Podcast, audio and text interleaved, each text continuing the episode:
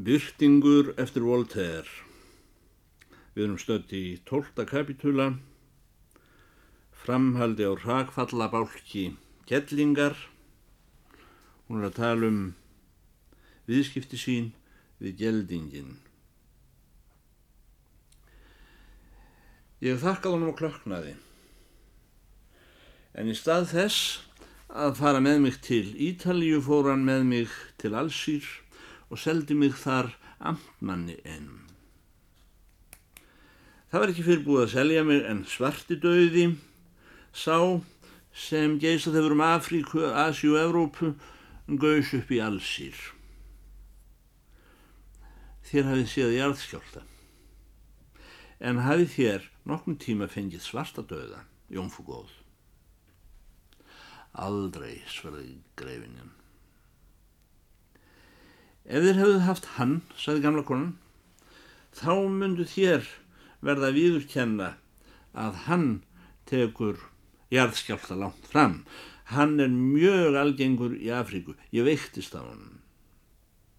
Reynið að setja þjóður fyrir sjónir hvílikt ástand þetta var á 15 ára gammalli páadóttur að hafa á einum þrem mánuðum komist í fátækt. Ánöð verið nöðgað hér um blók herjum degi, hort upp á móður mín að hluta það í þemt, reynt hungursneið og stríð. Og vera nú aðframkomin á svarta döða í allsýr. Samt lífði ég af, en bæði geldingurinn minn og amtmaðurinn deyðu á samt öllum kvennabúsmegjum í allsýr og þessi skjálfilega pest hafði gert sitt fyrsta skurk var farið að selja þrælana andmannsins. Kaupmaður nokkur kipti mig og fór með mig til Túnis. Hann seldi mig öðrum kaupmanni sem síðan seldi mig til Trípólis. Frá Trípólis var ég seld til Aleksandríu, frá Aleksandríu var ég seld til Smyrnu, frá Smyrnu til Miklagarðs. Janísara höfðingi kipti mig að lokum en uh, var brátt tilkallaður að um, verja Asof fyrir rússum sem höfðu sest um þann stað. Janísarinn sem var mest í kurtiðsins maður flutti með sér kvennabúr sitt og kom okkur fyrir dálitlu virki á Palus Meotídes og um, let tvo svarta geldinga gæta okkar þar á samt 20 hermunum. Rússarnir voru að vísu drefnir unnvörpum en þeir gáfu ekki heldur sitt eftir með góðmennskunni. Asof fórst í blóði og eldi og þar var einhvern þyrmt vegna kynfellisnýja aldurs. Það um, stóð ekkert eftir uppi nema litla virkið okkar. Óvinnirnir ætla að svelta okkur þar inni. Janísara hermennirnir 20 höfðu svarið þess dýran eið að gefast aldrei upp. Hungursneiðin neytið á til þess að geta báða geldingana svo þeir þyrst ekki að rjúfa eið sinn. Eftir fáina daga kom þeim saman um að fara að geta hvem fólkið. Í hópi okkar var ímameinn, guðrættur, vel og vorkunarfullur maður sem helt ágætt ræðu fyrir þeim þar sem hann skoraði á þá að drepa okkur ekki alveg. Skerið, sagði hann, sinn þjónheppin okkur í frú og gerið ykkur gladan dag. Ef uh, þarfkrefur setna þá eiga þær hverjum sig annan eftir. Um, drottin mun miskunæður vegna slíks góðverks og yfir mun berast hjálp. Það var maður velmæltur. Honum tókst að samfæra þá. Það var gerður á okkur þessi hryllilegi skurður. Ímaminn bar á okkur samskona smyrsl og nótuður við börn þegar þau eru umskorinn. Allar vorum við langt leitar. Janísararnir höfðu varla lokið við að gæða sér á máltíð þeirri sem við höfðum lagt að mörgum þegar rúsa bar þar að á hladbytnum sínum. Þar komst engin í anísar undan. Rússar tók ekkert til til ástands okkar. En maður rekst allstaðar á franska skurðlækna. Einn þeirra sem var bráðflinkur maður auðsýndi okkur línkind og grætt okkur. Hann baði mín, óðar en ég var gróin og skal ég senkt gleyma honum það. Reyndar baðan okkur allar að herða upp hugan. Hann fullvisaði okkur um að því líkir atbyrðir hefðu komið fyrir í öllum umsátum og þetta verið lögstríðsins. Óðar en stallsistur mínur voru ferðafærar, var færið með þær til Moskvu. Ég fjall í hlut bójars nokkurs sem gerði mig garðinskustúlku hjá sér og leitt hýða mig 20 vandarhögg á dag. En eftir tvö ár var bójar þessi látin þóla hjól og steglu á samt 30 bójur um öðrum út af einhverju rifrildi við hyrðina svo ég notaði tækifærðu hlúði. Ég var lengi vinnukona í gistuhúsi í Ríka, síðan í Rauðstokki, í Vismar, í Leipzig, í Kassel, í Útrekt, í Leiden, í Haag, í Rotterdam. Ég hef elst í eimd og sóðaskap með ekki nema hálfan rass og alltaf verða hugsun að ég er þó páfadóttir. Hundra sinnum hef ég að fyrirfara mér, en alltaf mátti ástinn á lífinu sín meira hjá mér. Þessi hlægilegi veikleiki er kannski hörmulegastur, allra tilneyinga voru. Eða er hægt að hugsa sér nokkuð bjánalegra en vera sífællega að rógast með byrði sem hann döðlangar að kasta frá sér? að hylla við sjálfum sér en vilja þó halda sjálfum sér á floti í sem styrstu máli gæla þeim höggormi sem ég etur mann þangar til hann er búin með hjartvorum mann líka í þeim löndum sem það var hlutskipti mitt að sjá og þeim gistihúsum þar sem ég var í vist sá ég feiknun allar fólki sem hafi viðbjóð til veru sinni en ég hef ekki vitað nema tólf sem gerðu viljandi enda á vesulsinni. Þrjá blámenn, fjóra englendinga, fjóra genfarbúa og prófessor eitt þískan Róbekkanafni. Senast gerði ég vinnukonna hjá Don Ísaki Gýðingi, hann sendi mig til yðarjónfrú mín, mér fór að væntu miður, um svo ég hugsaði oftar miður en ævintýri mín. Ég hefði ekki einu sinni minnst á mitt ólán ef þér hefði ekki farið að ergja mig. Auk þess sem það er síður og skipum að fólk segi hvert öðru sögur til dagradvalar. Sem sagt, Jón frú góð, ég hef reynsluna. Ég þekki lífið.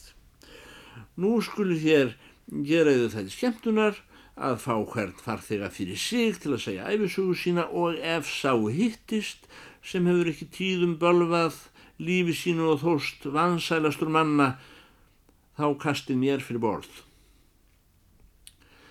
Þrettandi kapitúli Hvernig byrtingur var það skiljast við kúnigund fögru og kettlinguna. Þegar kúnigund fagra hafiði hert söguna, vottaði hún kettlingu alla þá kurteysi sem byrjar að votta svo hári persónu og mikill að verðskuldan. Hún let sér orð hennar að kenningu verða, hún gaf sig á tal við alla farþegana, einn og einn í senn og fekk þá til að segja sér æfinn til þeirra. Byrtingur og hún urða játa að kelling hafði rétt fyrir sér. Það voru auðmu vandræðin, saði Byrtingur að gáðumadurinn altunga skildi vera hengdur þvert ofan í síðvenjur þeirra trúaratarna sem e, spænskir nefna átóta fe.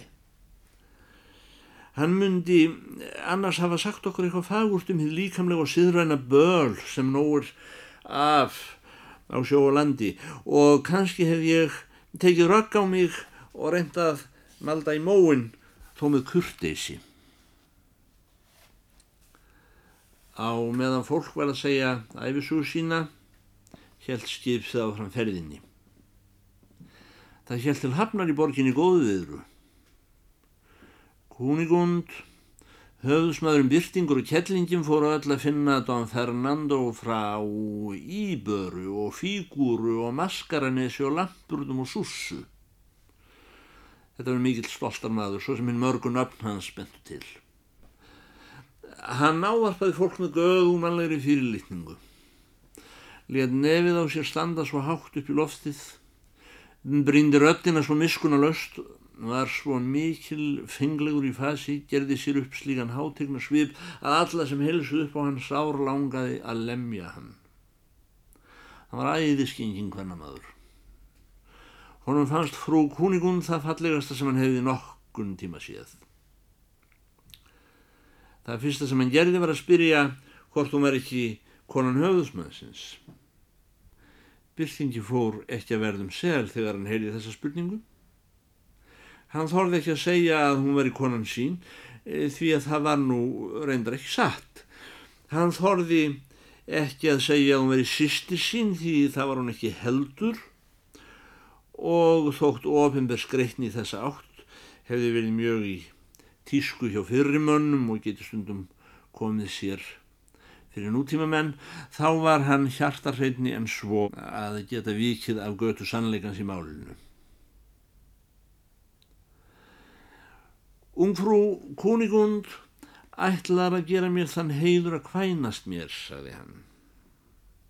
Og við leifum okkur að bjóða yðar tign í brúðkaupið. Don Fernando frá Íburu og Fígur og Massakaranesi og Lampurðum og Sussu sneri upp á yfirstíkið, brosti seyrið og skipaði Byrtingi höfðsmanni að fara að hugað hersveitsinni. Byrtingur hliti. Ríkistjórum varð eftir hjá ungfrú Kunigund. Hann játaði henni ást sína. Sór og sált við lagði að hann skildi giftast henni fyrir auglíti kirkjunastras á morgun en ef hennar indistokka þætti önnur tilhugum betri skildi hann líta því. Kuningund baðum fjórðung stundar til að hugsa sig um, tala við kettlinguna og ákveða sig. Í kettlingin saði við kuningund. Þér eruð aðalskona í 72 liði og eigið ekki túskilding með gati.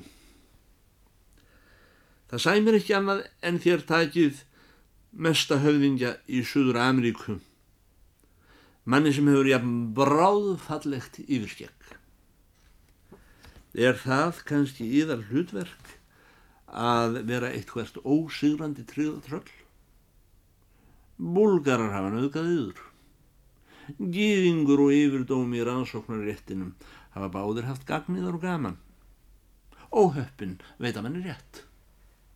Ég segi fyrir mig, ef ég var í það spórum, myndi ég ekki skoða hugminn um að giftast herra ríkstjóranum og ebla svo frama herra Byrtings höfðusmanns. Meðan gamla konan talaði þannig af þeim klókindum sem fást með aldri og reynslu, brá svo við að skipið lítið syldi höfnina. Á því voru dómar í einn og þrýr dómþjónar og gerðust nú tíðindi þau er hér segir. Kettlingin hefði farið næri um hér rétta. Þegar hún gat upp á því að víð ermaður reypismungur hefði stólið af kúnigun gullpenningunum og gimsteinunum í Badahós borg þegar þau byrtingur voru að flýja. Munkur þessi hefði síðan ætlað að selja eitthvað á stuldinum gimsteinasala einum. Kaupmaðurinn sá að þar voru komin gimsteinar yfir dómarans úr rannsóknaréttinum. Áður en betlimunkurinn var hengdur, játaði hann að hafa stólið þeim.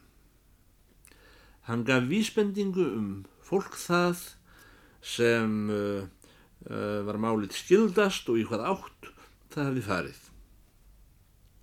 Flótti þeirra kúnigundar og byrtings var þegar öllum kunnur. Þau voru eld til Kadix. Í mesta flíti var útbúið skip að veita þeim eftir for þaðan. Nú var skipið komið til hafnar í góðviðru.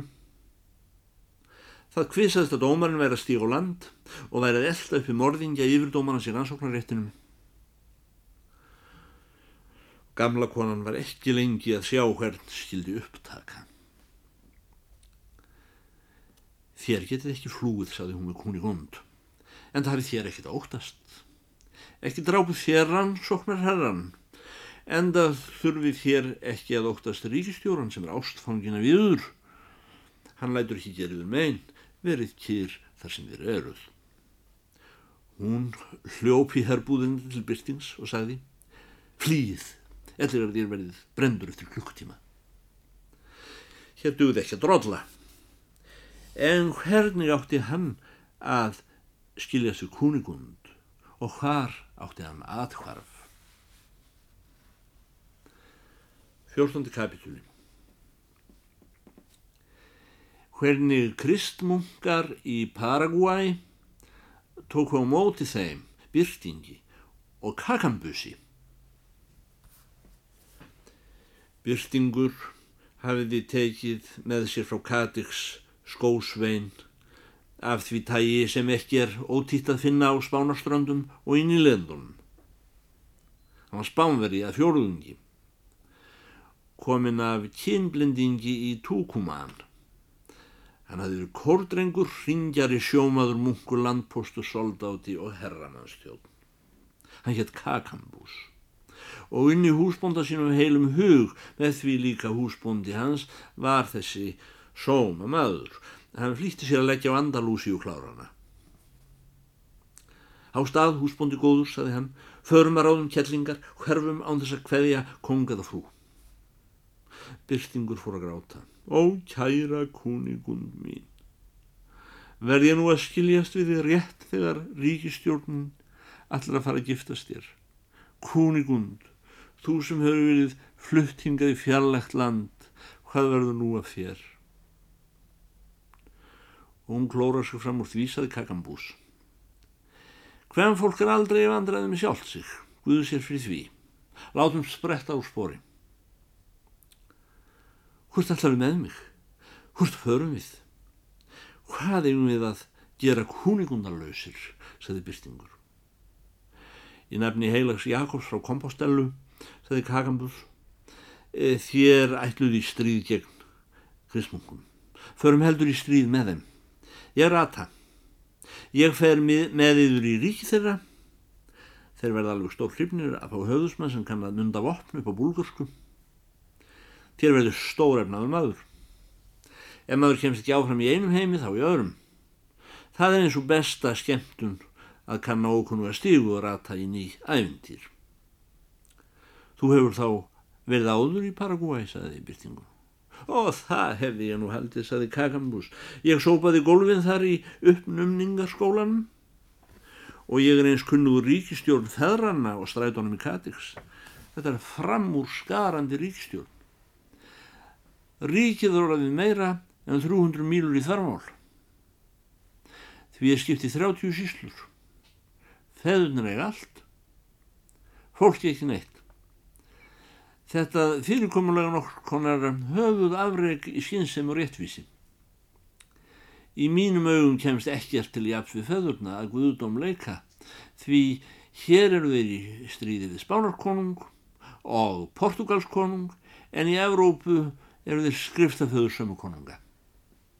Hér drepa þeir Spánverja en í Madríð eh, senda þeir þá til himnaríkis. Þetta finnst mér hrífandi. Áfram með okkur. Þér munuð verða mikill hamingjum aður. Mikill verða feðurnir ánaðir þegar þeir vita að það er komin höfðusmaður sem kannad munda upp á búlgörsku.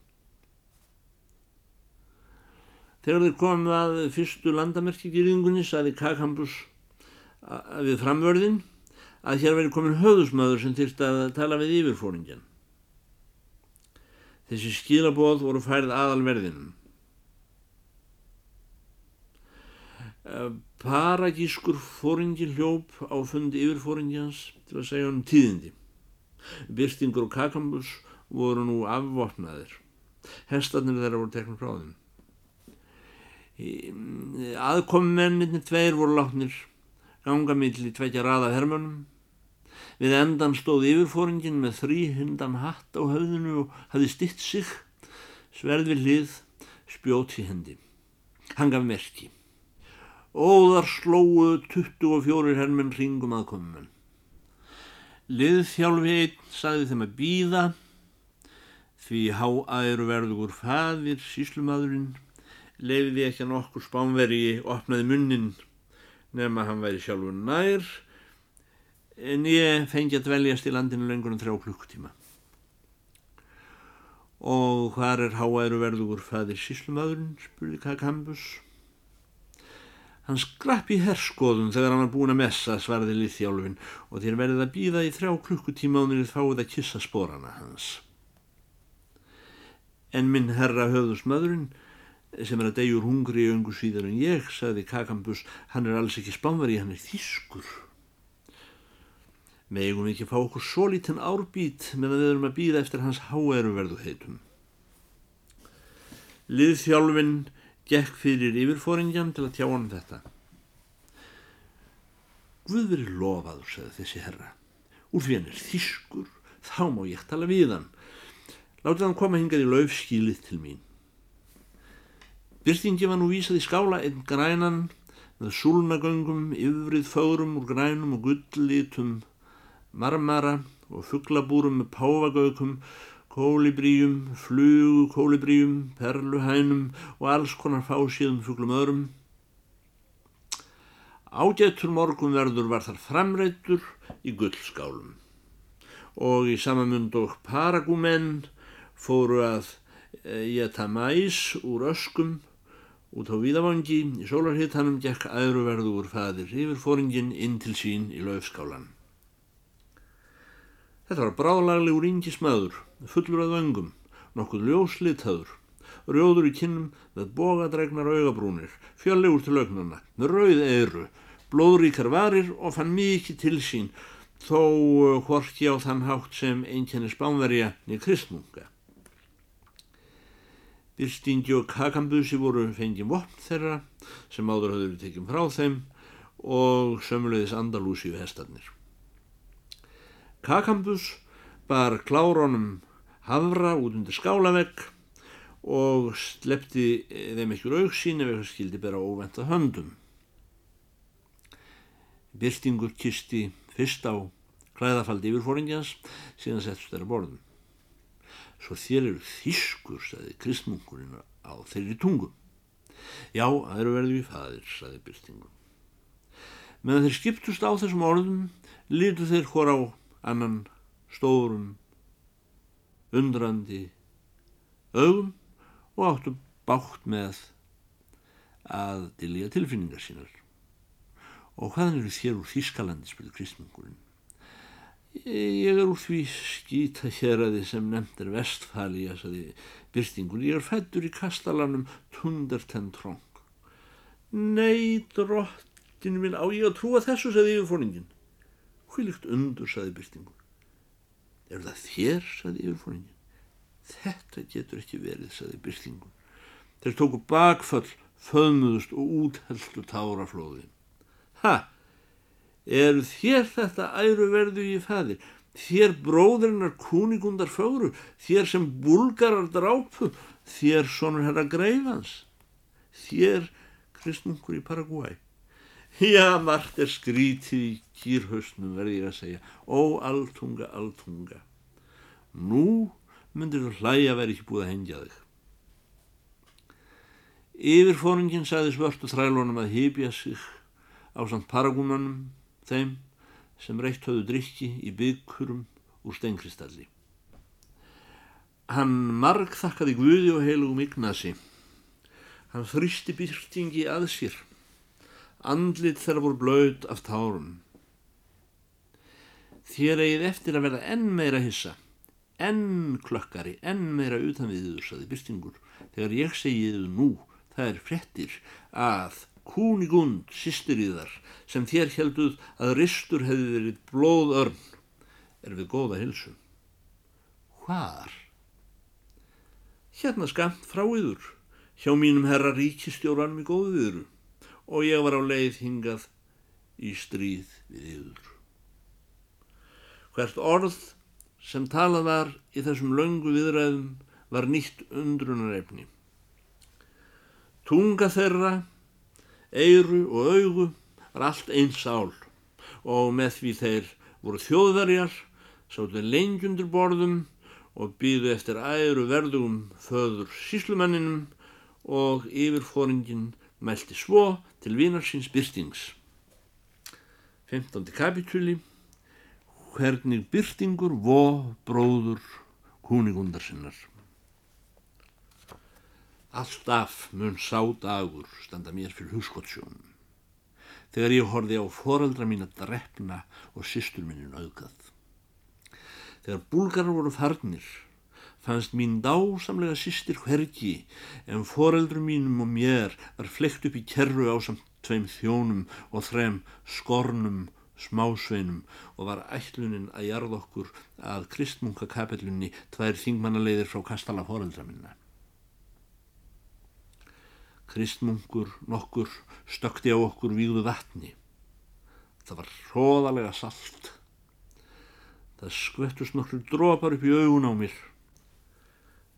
Fadurinn varð varfið að það kýbraðist á mér sjáaldrið. Hann lagði höndin á hjarta mitt og fann að það sló mér var bjargað og eftir þrjár vikur var orðin jafngóður. Þér viti bystingur minn að ég var bráðlaglegur maður. Ég fríkaði nú ennað mun enda tók æruverður fæður krúst yfir maður húsins að fella til mín meira en lítið viðkvæman vinarhug. Hann íklætti mig nýmunkakubli. Skömmu síðar ég sendur til Róms. Aðalfæðurinn þurfti á að halda þýskum nýliða handa kristmunkareglunni. Stjórnendum Paraguay eru óljúft að taka við spænskum kristmungum. Þeir kunna betur við útlendingana sem þeir þykast geta ráðið yfir. Ég var af æru verðugum aðalföður, úrskurðaður til þess hæfur að gerast verkamaður í þessum vingarði. Við fórum á stað, Póluveri einn, Týrólarbúi og ég. Óðran ég kom var mér auðsyndur sá heiður að vera gerður súpti okn og lautinant. Nú er ég orðin óðursti og prestur. Við munum taka mannlega móti líði spánarkonungs. Þeir munu verða settir út á sakramentinu og knosaðir samðir til. Forsjónin sendir yfir hingað til að hjálpa okkur. En getur það verið satt að hún kúning, hún sýstir mín, sé hérna á næstu grösum hjá ríkistjóranum í góðviðru. Byrstingu sóru sátt við lagði að hann get ekki sannar orð talað. Tár þeirra byrjuð aftur að stræma. Greifin þreytist ekki á að faðma byrtingað sér. Hann nefndi hann bróður sin og selsara. Æ, hver veit, sagði hann, nema við getum ráðist sem sigurvegararinn í borgin á numið á brott, sýstur mína kúningunum. Ekkert væri mér kærara, sagði byrtingur, því ég var komin að því að giftast henni og ég vona það geti orðið enþá.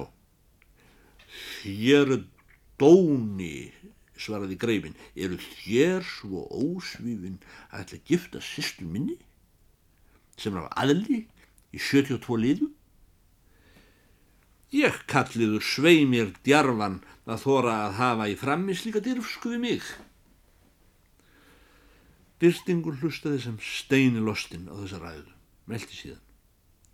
Æru verði þaðir. Það má einu gilda um alla ætliði. Ég hef hrifið sýsturiðar úr örmum gýðings og yfirdómara í rannsóknaréttinum. Hún hefur sérstakar skildur við mig og er fús til að giftast mér. Meistari Altunga kendi mér að allir menn séu jafnir og ég er fast ráðinn í að giftast henni. Við eigum eftir að sjá það rævillinin, sagði Kristgreifin til tundardan trong og sló byrting í andlitið með flötusverðinu. Byrtingur var ekki setn að draga sitt úr slíðrum og rak það upp að hjöltum í kviðin á kristgreifan.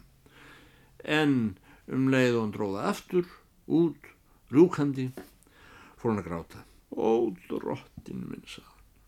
Ég er búin að drepa húsbónda minn, vinn minn og má. Ég er besti maður í heimi og þannig er ég búin að sjá fyrir þremur mönnum og tveir þeirra voru presti við þér. Kakambus sem hafði staðið á verði fyrir utan löfskálan kom nú hlaupandi. Nú verðum við að láta þá komast að full kiptu, sagði húsbúndi hans. Þeir koma áræðanlega bráðum hingað í skálan. Við verðum að degja með vopn í hendi. Kakambus sem hafði séð til hinn að koma lít sér ekki bregða. Hann færði greifan úr munkakublinn og byrstingi í hann sett á hann ferhindahattin af hinnum látna og hjálpaði hann á bak. Allt þetta gerðist í mjög skjótri svipan.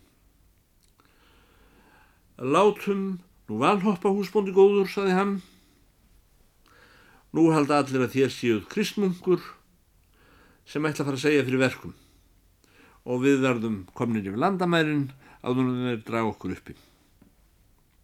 Umleið og hann meldi þetta var hann komin á flegi ferð og æpti síðan á spænsku farið frá, farið frá svo fadir óðurstinn komist áfram